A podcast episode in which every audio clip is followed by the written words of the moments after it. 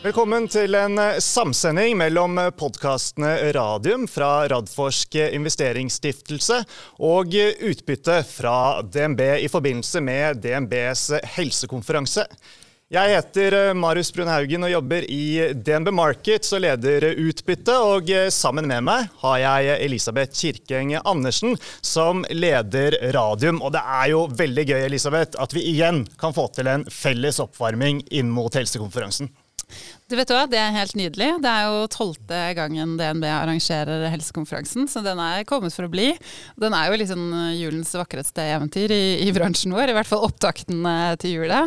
Eh, og veldig hyggelig å møte folk der, eh, nettverket, og ikke minst få info om alt hva som skjer i selskapene. Ikke bare norske, men, men nordiske selskaper også. Mm. Uh, og apropos det, jeg har jo med meg min sidekick i radium, Jonas Einarsson. Hei, Elisabeth. Hei. Du leder også en sånn stiftelse, har jeg hørt. Radforsk investeringsstiftelse. Det gjør jeg òg. Ja, så bra. Uh, men du, uh, hvis vi tar året som har gått ikke, Vi skal ikke ha sånn nyttårskavalkade-oppsummering, men vi kan begynne å kikke oss litt sånn i, i speilet nå. Hvordan, hvordan har dette året vært for norsk og internasjonal biotek? Det har vært tøft. Eh, pandemien har, har virkelig slått, eh, slått, til i dette her og skapt mye usikkerhet. Og det har jeg i hvert fall jeg lært. Det er jo andre her som kan mer om finansmarkedene enn meg, men usikkerhet er i hvert fall ikke noe de er glad i. Uh, og så ser vi jo direkte implikasjoner på flere av selskapene våre. Vi, vi sliter med, med, de kliniske studiene, rett og slett fordi det er så mye mer vanskelig å gjennomføre de nå enn, enn det var tidligere.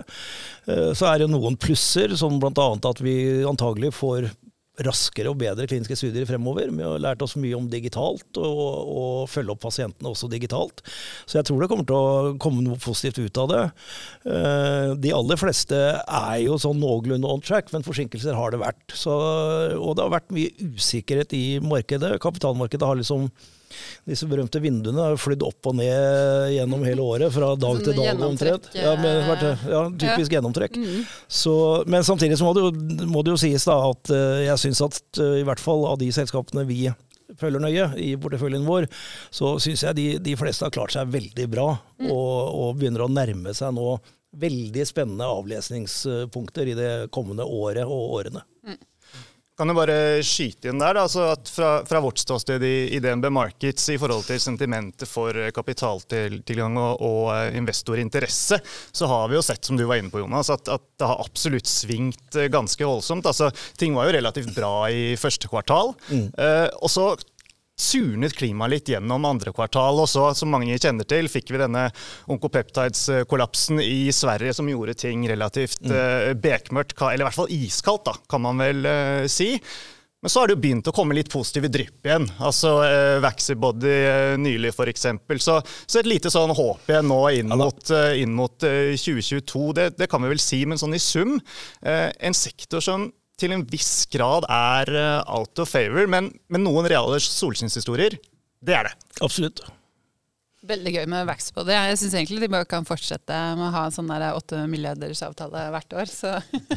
jeg får snakke med min kollega Anders Stuve og høre om vi kan, legge inn det som en fast, ja, ja, ja. fast sånn førjul. Jeg kan bestille det hos Stuven. Ja, det, er, det, er, det, er, klart at det er, det er, kjempehyggelig, og det er klart at det er ikke noen småspillere de, de jobber med. Det er virkelig blant, blant, de store, og det de ønsker seg er nye teknologier. Og det er jo teknologien her i Vaxibody som er er det virkelig viktig, og, og blir verdsatt. Det, det, ser vi jo. Så det er, eh, nei, det er absolutt et lyspunkt. Ja. Veldig gøy.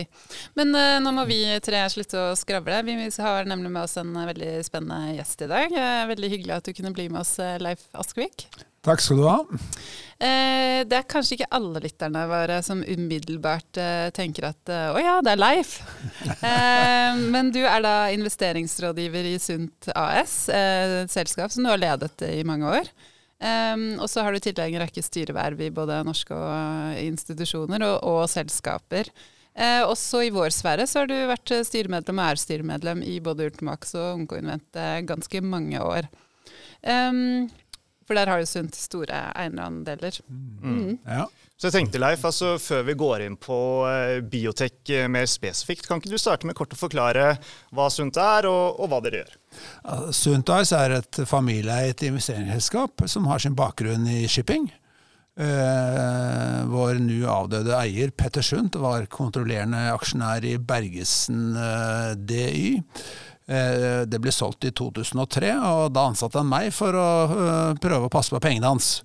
Dessverre så døde han så altfor tidlig, så hans to eh, etterkommere er nå eiere av Sundt vi har halvparten av vår portefølje er investert i fast eiendom, nærmere bestemt hotelleiendom.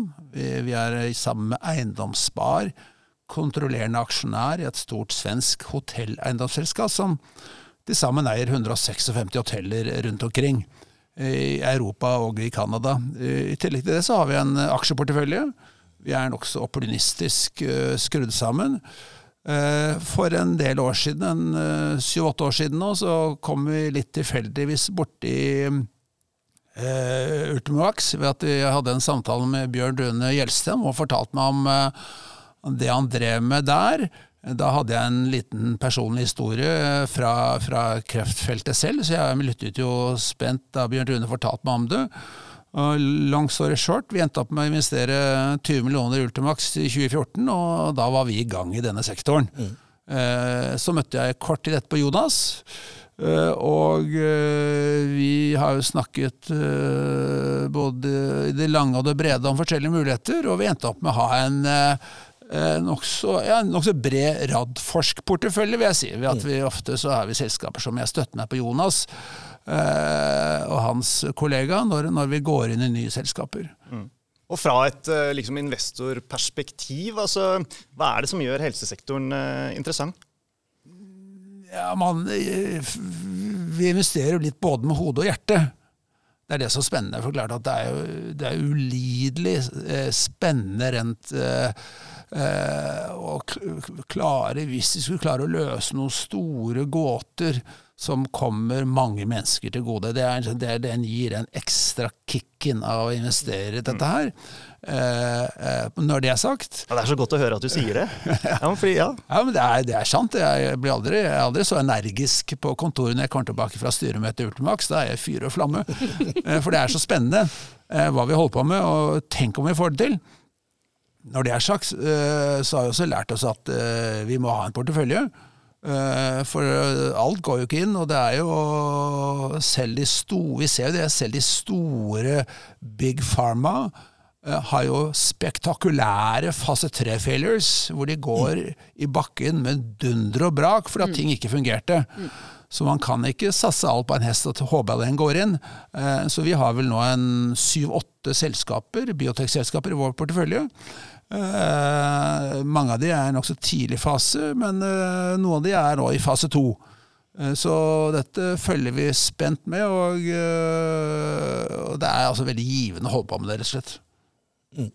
Så gøy å høre. I tillegg til Ultimax Ungkonvent, hvilke andre selskaper er det dere har vi har, vi har, Da må jeg titte på listen min. For mm, det er så, det er vi, har, vi har Ultimo Onkonvent, ja. Seluna, ja. Nextera, det er Stall Jonas.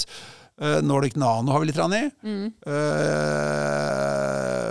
Exact Therapeutics. Mm. Adiotech kom ja. vel sist vi gjorde Jonas sammen? Ja. ja. Antibiotikaresistens. Antibiotikaresistens, ja. Det er første gangen vi har gått inn noe som ikke er direkte knytta opp mot kreft. Men ja. Eh, jeg argumenterte jo for mitt styre om at antibiotikaresistent kom til å bli en av de store problemene for kreftpasienter i fremtiden, mm. så da fikk vi lov til å gå inn der. Og det, er, det, er, utrolig viktig for oss å ha sånne som Leif og, og Sundt med. Uh, og Leif er jo spesielt viktig fordi du har brukt så mye tid på å sette deg inn i dette, og virkelig prøve å forstå denne sektoren, som er relativt komplisert. Mm. Eh, og da også ha mange andre som har fulgt med etter hvert. Altså, du nevnte jo Bjørn, Bjørn Rune, og det er, det er, mange andre av, av family, family, offices også. Og de er veldig viktige at de forstår hva de går inn i. Mm. Det er, som, som, Leif sier, altså det er ikke alt, alt, som går inn av det vi prøver på. Men, eh, så det er viktig å bygge seg opp en, en portefølje. Og så må man forstå at det tar tid, mm. og at det koster penger. Mm. Og at alt dreier seg om hvilke data som kommer ut til, til, til slutt, og at de er gode nok. Og Det er, det er viktig å forstå det. Kanskje mye utfordring for de norske selskapene er jo kapitalbasen, mm, og hvor, det hvor, vi kan hente penger. Det er en utfordring. Vi ser jo det at alle de selskapene jeg nå nevnte, og de aller fleste norske, selv Vaxibody, eh, har jo ikke noe særlig innslag av internasjonale ekspertinvestorer. Eh, det er fair å si at de har fått til nå nylig, og det er ekstremt imponerende hva de har fått til. Men bortsett fra det så er det jo det at eh, kapitalpoolen er norske stor, noen institusjoner, men i stor grad norske private investorer, family offices, som går inn i dette her. Så, så, så, så selv om man føler at man sitter på noe som er veldig lovende, så er jo det, er det jo krevende å attrahere eller være å få tak i internasjonal ekspertinvestor. Mm. Samme er jo i Sverige i stor grad. Eh, så, så, alle disse fase 1-selskapene, og tidligvis også fase 2-selskapene, er jo basert på hjemlig finansiering. Mm.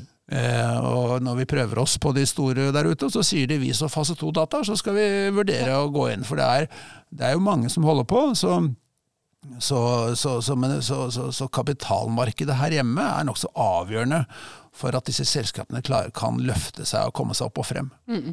Absolutt, og det kreves ganske mye kapital for å komme til å ha fase to-data og, og, vise fram. Ja, det er, eh, det er eh, Vi snakker om i hvert fall en halv milliard mm. før du er eh, gjennom fase to. Og skal du prøve deg fase tre, så må du ha en milliard til. Mm. Så er klart at det er krevende løp, og det tar lang tid. Mm. Så man skal være litt sterk i troen og, og, og, for å holde på med dette her. Så, men det er utrolig spennende. og Får vi til noen av selskapene våre, så blir dette både følelsesmessig og, og finansielt veldig bra. Mm. Ja, altså det, bare, bare legge til at det, det, det, er det som er den store drivkraften, og det er når vi publiserer data. Så sier vi liksom at eh, kanskje de siste ultimaksdataene 80 eh, av de, de pasientene i denne studien levde etter fem år. Mm. Mens vi hadde forventa kanskje 40-50 mm. Det betyr at det er en del pasienter som faktisk lever, mm. og som antagelig ikke ville gjort det hvis ikke de hadde vært med i denne studien. Og Det er jo det som er drivkraften. da. Mm. vi har jo lunge, lunge, med, eh, folk fra lungestudiet vårt mange år tilbake som lever i dag pga. oss. Ja, jeg vet. Mm. Og, og det, er jo, det, er jo, helt kryss i taket. Mm. For det er helt utrolig eh, når vi ser effekten av langtidsoverlevende. Mm. Eh, så det er, det, er, det er, veldig motiverende å se at, at, at, at det funker. Mm. Men sånn som jeg skjønner det da, så på disse investeringene dere har i biotek, da, da er dere innenfor the long run? Vi eh, investerer eh, the long run stort sett. Øh, øh, hvis vi ikke helt mister trua, ja. så er vi med øh, Da skal vi være med helt ut. Mm. Mm. Se om dette blir noe av. Det er, det er, det er, hvis det ikke skjer noe som gjør at vi ombestemmer oss, men mm. stort sett så tenker vi at her skal vi se resultatet av dette her, mm. og se om det fungerer. Mm. Så det er inne det på, på, på lang sikt, men sånn jeg forstår det, er også veldig viktig å sette seg veldig godt inn i caset, forstå det man eh, investerer i. og å, være på ballen altså hele tiden, for det må du jo i dette hjemmet. Ja, altså, Jeg skal ikke underslå at jeg er siviløkonom. Så jeg spurte Jonas her en gang. Jonas, hva er det egentlig Nextera holdt på med? det er ikke det letteste selskapet. Da. Det er ikke lett å skjønne. Til, til og da Uh, fikk jeg ikke sånn uh, godt svar, men men, uh, men, men, men, et annet poeng finansielt som er viktig, er at det vi er opptatt av, er at vi, vi er en, en, liten klubb med litt ressurssterke investorer. Vi er jo livredd for å bli en sånn sugar daddy, mm. som, som, selskapet er helt avhengig av én. Det er, en, det er en veldig vond og vanskelig posisjon å være i. Så, så, vi er veldig opptatt av at, at, at, når vi går inn i selskapene, er flere uh, aksjonærer med ressurser. For vi vet at uh, hvert uh, halvannet år så trenger påfyll. Mm. Og da må aksjonærene være der og følge opp og følge opp. Og det er ikke én eller to, det er tre, fire, fem ganger mm. det skal fylles opp. Så det er, det er, noe av det jeg er mest opptatt av når jeg går inn i case. Hvem går inn sammen med oss? Mm. Hvis vi er alene, da er vi ikke interessert. Nei. Det må være flere der, for vi vet at det kommer tungløft. Er du alene, så er du liksom, skal du være bøddelen. Nei, den posisjonen vil ikke ha. Vi må være flere som, som løfter sammen. Og det gjør at også at, så, så, vår sweet spot, som vi sier, er sånn Kan vi ha eierandeler på en sånn 7-8% i disse selskapene?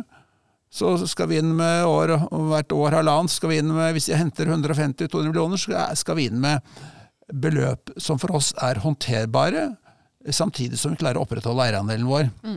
Og da, vi, da kan vi være litt mer pragmatisk til prisingen. Eh, For skal du være, eier du altfor mye, så er det jo kjempetøft å se at du blir vant ut i dårlige tider. Mm. Så vi liker som sagt å være i den, eh, være den eh, litt sånn underkant av 10 for da vet vi at da klarer vi stort sett følge opp eh, år etter år etter år. Og, og, og vi vet at vi kommer til å få dårlige dager òg. Og den dagen skal vi også klare å følge opp. Så, så det er en par sånne eh, greier vi tenker på da når vi går inn i disse selskapene. Bare legge til, altså, jeg tror det er veldig viktig poeng du gjør der. altså at Det å ha en eh, bredde i største aksjonærer, altså som viser støtte og viser eh, soliditet, altså det er eksempel det inntrykket jeg har at det har Ultimovax. altså Den tryggheten det gir på finansieringssiden, det viser seg liksom gang på gang at, at det er gull verdt. Fordi at man unngår eh, usikkerhet i markedet. Ja, nei, ja, Vi har jo noen dårlige eksempler om dagen, om dagen som ikke har klart så godt. og det er, Vi trenger ikke snakke om det nå, men, men det er jo ikke alle som, eh, som, som har kommet like godt ut av det. Men, eh, men, men for oss er det viktig. Ja, det, er, det, er et, det er et utrolig viktig poeng. fordi vi, vi har jo sett det ja, i de selskapene hvor vi har en bred eh, base, og hvor eh, investorene i utgangspunktet kan tenke seg å forsvare sine eierandeler, eh, men er villige til å gå ut og være med å garantere for emisjonene. Sånn at da, da vet alle som skal være med at denne emisjonen blir noe av. Eh, Og det har vi sett nå flere anledninger, at da kommer pengene. Selv i litt vanskelige tider, når, når de da vet at de kommer. Og, og den, å ha den soliditeten er utrolig viktig. Og vi føler, vi føler også det sant? Hvis du tar Ultimax som et eksempel, det er, det, er, det er veldig morsomt å se at vi klarer å begeistre så mange mennesker. For det er jo en utrolig spennende historie vi har å fortelle. Ja. Hvis vi skulle få det til, så er det sånn at man blir litt sånn øh, Jeg husker da vi gikk på børs, og vi var et innslag på Dagsrevyen. Ja, Du husker, jeg, min kone sa 'Leif, der skal vi investere'. Slapp av, sier jeg. Vi er allerede inne. Men, men, men liksom, du, det å skape den begeistringen som Ja. gjør at det der, det der vil jeg være med på, liksom. Ja. For det der, klarer vi å løse det, så er det liksom det ska, Klarer du å skape den begeistringen, og det gjelder for så vidt alle situasjoner man skal hente penger til. Man skal skape en begeistring som gjør at folk er villige til å, åpne lommeboka og putte ned penger. Vi har snakka mye om, eh, om Ultimovax. Er det liksom eh, favoritten i porteføljen? eller Nei, men har det er, den andre- eh, Jonas og jeg jobbet så mye med sammen. Men det er mange også Vi sitter med Oncoinvent, eh, samme utrolig spennende. Vi har en geni av en styreleder, Roy, Roy Larsen. Han er, jo, han er jo et oppkomme av ideer. Mm. virkelig imponerende person. Det er utrolig morsomt å jobbe sammen med Roy. Eh, jeg bare, eh, Hva han finner på, hva han eh, har eh, av ideer, det er kjempestimulerende. Og noen av de andre gründerne eh, Vår mann i Nextera, nå husker jeg ikke hva han heter i farten. Geir- Geir, Geir Geir, ja. Geir Åge. Geir Åge er jo helt eh, bare høre, Jeg skjønner jo dessverre bare halvparten av det han sier. Ja, Da er, du, da er du god, syns jeg. Jeg tror ikke jeg Men skjønner, er jo, skjønner man kvart blir jo imponert Ja. Av å få lov til å være sammen med og, og, og, og, høre på disse menneskene som Først er de så dedikerte. Ta Geir Åge han er altså så dedikert i det han holder på med. Jeg er virkelig imponert hver gang jeg møter ham. Og jeg går ut derfra oppløftet hver gang. Ja. Nei, men jeg er veldig enig i det. Og det å, det å ha fått være med på nye teknologiområder innenfor kreftbehandling altså, du ser tilbake de siste 70-80 åra, så skjedde det jo ingenting før i 2011. Egentlig når det gjaldt ny kreftbehandling. Det var da, da Jervoy kom eh, som den første immunterapien. Eh, og så se på radiofarmaka, som Leif var inne med nå, som virkelig er i ferd med å bli et veldig hot område. Celleterapi med Seluna, kreftvaksinene i flere av selskapene. Altså fremtidens kreftbehandling, og få lov til å være med på det. Og det er jo takket være ikke at Leif og andre har investert, eller at jeg er så jækla smart. Det er rett og slett fordi vi har så fantastisk forskere i Norge. Det er deres ideer. Samtlige av våre selskaper er bygd på ideer fra norske forskere. Gustav Gaudernak, eh, Else Marit, altså you name it. Geir Åge, som du nevnte, Agnete i Vaxibody. Det er jo litt av en fugl vi har. Hjernepul. Men så har jo Radforsk vært instrumentell i å, seedfunde disse selskapene. Uten Radforsk så hadde jo mange av disse selskapene ikke kommet i gang. Så det er klart at uh, det at dere har vært der og bygget dere opp og jobbet disse selskapene opp og stå, slik at de var investeringsklare. Klart at de, Mange av selskapene jo ikke, var jo ikke investeringsklare da Radforsk Jonas og dere holdt begynte. Dette var eh, dette var noen smarte mennesker som ikke var eh, egentlig klar for ekstern kapital. Du da har en, en, en, en, så grunnleggende investor som Radfors som får i gang, og så når, når selskapene er litt oppe og gå og kan kravle av gårde, så kan de henvende seg til nye aksjonærer. Så, så det, det, er, eh, det er uh, fjær i hatten til uh, hva Radforsk har gjort i dette markedet her. Mm. Litt mer om Ultimovax. Jeg tipper en del av lytterne og seerne våre er interessert i det. Det er jo i høyeste grad investerbart. Virker som det har vært stang inn og, og, og god flyt nå. Men er det noe risiko her, altså kanskje særlig knyttet til rekruttering, som du nevnte innledningsvis som en litt sånn generell, generell tema, Jonas? Ja, Det er en generell risiko i pandemitiden. Det er med rekruttering. Og så er det egentlig veldig forskjellig hvordan pasientene behandles på sykehuset. Hvor mye får de i tilleggsbelastning ved å være med i en klinisk studie?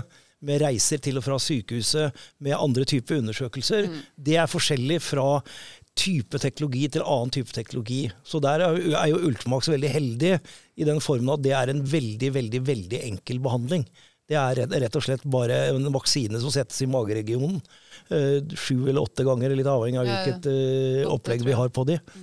Uh, så der er de veldig heldige med, med det. men det er, en, det er en viss risiko for at ting kan ta litt lengre tid. Det er ikke sånn at folk slutter å bli behandla for kreft og at sykehusene kommer opp og stå igjen og får kjørt mer kliniske studier. Så jeg er ikke redd for det, men, jeg, men, det er en viss risiko for at vi får noen utsettelser her og der. Det gjelder helt, det gjelder helt generelt. Men, men, bortsett fra det, så, så, ligger risikoen i at når vi nå er i fase to, som jeg har nevnt flere ganger nå, og går fra åpne studier til randomiserte studier, da er det nådeløst det som kommer ut den andre enden det er dataene som sammenligner hvordan gikk det med de pasientene vi ga vår tilleggsbehandling, kontra de som fikk den vanlige behandlingen som er i dag. De dataene, der går det rett og slett på statistikk og hazard ratio og alle disse tingene som skal måles, og det er, det er satt et mål på forhånd. Hvis vi når det målet, så er studien godkjent. Eh, og da kan du begynne å forhandle om å gå videre med fase 3-studier eller komme ut på markedet. Men det er det avlesningstidspunktet som er, er alfa og omega. I forhold til uh, Onko, da. Altså, uh, det er i hvert fall ikke sikkert at alle mine lyttere kjenner like mye til. For uh, ja, de er jo ikke på børs, i hvert fall ikke uh, ennå. men de kommer vel med data etter hvert i neste år, og det blir vel spennende. Men vi, vi må vel vente ut i september, er det det? Ja, altså der, der har vi Punkt én, Onkoinvent har levert så det gviner etter når det gjelder rekruttering. Det er, eh, faktisk I den kolorektalstudien så har det gått raskere enn det, enn det, vi trodde. Men det er også fordi at vi har kjennefolk så veldig godt der på de sitesene vi jobber, jobber på og har kunnet følge de veldig godt opp. Eh, så det er en del pasienter som er behandla nå. De første pasientene har jo fått veldig lave doser, for dette er jo sånn man bygger opp dosene for å se at ikke det kommer bivirkninger. Eh, så har vi begynt å få en del pasienter som har fått den behandlingen vi forventer at vi skal bruke i de større studiene. Og de følger vi selvfølgelig veldig nøye. Det kan gi indikasjoner. Hva er det vi pleier å si, eh, Leif? Det er uh, signaleffekt. Signaler, ja. ja. Signaler om at det kanskje kan virke. Men vi kan jo ikke si noe mer Nei. før vi får de randomiserte studiene. Mm. Så bra. DNB Nordic Healthcare-konferansen er 16.12. i år. Både virtuell og fysisk. Det tror jeg er ganske lurt. med, med et visst, viss mutasjon som plutselig har kommet. Omnikron. Ja, det, ja. Men eh, hvilke selskaper eh, ser dere fram til å høre på konferansen i år? Se på deg først, Leif. Det, det, er jo, først er jo veldig mange av våre selskaper skal presenteres. Så det blir mm -hmm. spennende å se hvordan de presenterer seg. Det blir spennende å se. Og så må jeg innrømme at det er mange ukjente selskaper der. Så får jeg se hva jeg, jeg, jeg, jeg har ikke noen favoritter på forhånd, for mange av disse selskapene kjenner jeg ikke. Så jeg skal være åpen og nysgjerrig på hva som kommer. Mm. Så, men uh, veldig spent på våre selskaper, så, sånn som Seluna, som ikke ja. så mange kjenner til. Spennende å se hvordan, hvordan de blir mottatt, f.eks. Uh, eh, Ultimax er jo mange som kjenner. Ja. Uh, men, men, ja, det blir spennende. Jeg synes det det, det er, et veldig bra program, det må jeg si. Mm. Mm. Ja, det er en fantastisk fin eh, konferanse. Jeg er enig med deg, Seluna, fordi jeg hører man jo ikke så ofte fra. Uh, og det de driver med er jo helt uh, cutting edge, uh, ja. så det blir veldig spennende å få en oppdatering på. Du da, Jonas? Nei, jeg har jo alltid sagt at jeg ikke plukker favoritter i, i porteføljen. Oi, jo da, Eh, nei da. Nei da, jeg gjør ikke det. Og, og heldigvis så deler jo Anders og jeg stort sett ansvar for selskapene mellom oss, sånn at vi, eh, vi eh, har hver, hver, hver våre. Men det er alltid spennende å få nye oppdateringer. Da kommer det jo aldri noen nye kliniske data til det, det kan det selvfølgelig komme, men da er det tilfeldig. Ja. At de kommer akkurat til, til konferansen. Men, men det er litt viktig også å se på helheten, tenker jeg, i, i år. Og så se For vi har faktisk begynt å få en bredde. Mm. Den, den norske sektoren innenfor dette området, og spesielt innenfor onkologi, men også innenfor Medtech, ikke minst, og andre, er i ferd med å bli en kraft som kan bli bærekraftig i seg selv. Og det syns jeg er spennende å følge med på fra år til år. Og bare i den ja, listede delen eh, av konferansen, altså, det er over 30 selskaper som skal eh, presentere seg, så det er, det er mye å velge mellom. Ja. Ja. det blir valgets eh, kval, for jeg tipper det er noen parallelle sesjoner der, så man får løpe litt. Eh, Jeg håper i hvert fall at man kan ha det delvis fysisk. Man kan komme ned i Bjørvika og få snakka litt med folk. Det syns jeg ofte er det hyggeligste også. Å drive litt med, med nettverking. Et av uh, selskapene som kommer uh, dit, det er Targovax, som jo uh, dere også alle kjenner godt. I den forbindelse tenkte jeg bare å komme med en liten oppfordring. For det er nemlig sånn at Targovax de skal hente 175 millioner kroner i ny egenkapital gjennom en fortrinnsrettsemisjon. og Vi i DNB Markets vi bistår selskapet med den transaksjonen. Og Dersom du eide aksjer ved utgangen av 25.11.2021, da har man blitt tildelt tegningsretter. Så har du det, følg med nå. For tegningsperioden og handel av disse rettene det starter 30.11.2021. Og siste fristen for salg eller kjøp da, eventuelt av rettene, det er 10.12. klokken 16.30. Siste frist for å benytte tegningsrettene til å tegne nye aksjer, det er 14.12. 2021 klokken 16.30. Og så kan du finne mer informasjon om dette her. Det anbefaler jeg. Lese prospekt og tegningsinformasjon på dnb.no emisjoner. Jeg understreker her at har du tegningsretter, så er det veldig viktig å foreta deg noe før disse tegningsrettene blir verdiløse. Elisabeth, var jeg klokkeklar nå? Det var veldig bra, til og med jeg skjønte det. Så bra, så bra. Så Jeg har ikke noen aksjer der, altså. Jeg får ikke lov. Sånn som det hører 1,172 tegningsretter per aksje du hadde. Du har satt deg inn i sakene, hører jeg, Jonas. Det er veldig godt. Det er veldig bra. Bra. Ja, men Vi nærmer oss vel tid for en slags uh, oppsummering. Og, og Vi startet jo med å oppsummere eh, 2021 til en viss grad, selv om det ikke er helt over ennå. Uh, når vi titter inn i uh, 2022, eh, Jonas, hva, hva ser du i eh, krystallkulen? Er det, er det pandemien som blir den store jokeren? Nei, jeg tror ikke det. Eh, Jeg tror faktisk at eh, selv om ting går litt saktere, og kan gjøre det, så går ting fremover hele tiden. Eh, Og Det var jo en stund vi liksom lurte på om skulle vi stoppe opp i kliniske studier. Det, det, det skjer ikke. Det er altfor viktig for pasientene at vi kjører kliniske studiene videre. Så det vil komme. Så jeg ser et hav av dataslipp. Altså det, er, det er mange av selskapene våre nå som er, begynner virkelig å nærme seg noen avlesninger i løpet av 22, første halvår 23. Og det er liksom hele syretesten. Så det blir spennende dager. Grunn til å være optimistisk, eh, Leif? Ja, jeg, jeg, som jeg tror modus og brande nå at eh, neste årene er at covid er her, og det må vi forholde oss til i en eller annen form. og Så får vi se eh, hva det blir. og Men jeg er enig med Jonas. Dataavlesning i 2022-2023, det, er, det er det vi sitter og venter på. Det er det. Da blir det mange spennende podkaster. Eh, Noen, eh, noen, noen gleder og noen sorger. Ja. Det er Ja. that's the name of the game. Ja, det er det virkelig. Tusen takk for at eh, du kom og var med oss i dag, eh, Leif. Veldig hyggelig. Og takk for eh, nok en fin eh, samsending, Marius. Det var en stund siden sist. enig. Ja, men det er hyggelig. Vi får, det en eh, ta gang det litt året, det er oftere. bra. Ja. Vi kan gjøre det flere ganger. Ja. Eh, og takk for oss. Og da vel møtt til eh, DNV Healthcare Nordic-konferansen 16.12., både virtuelt og fysisk. Takk for i dag.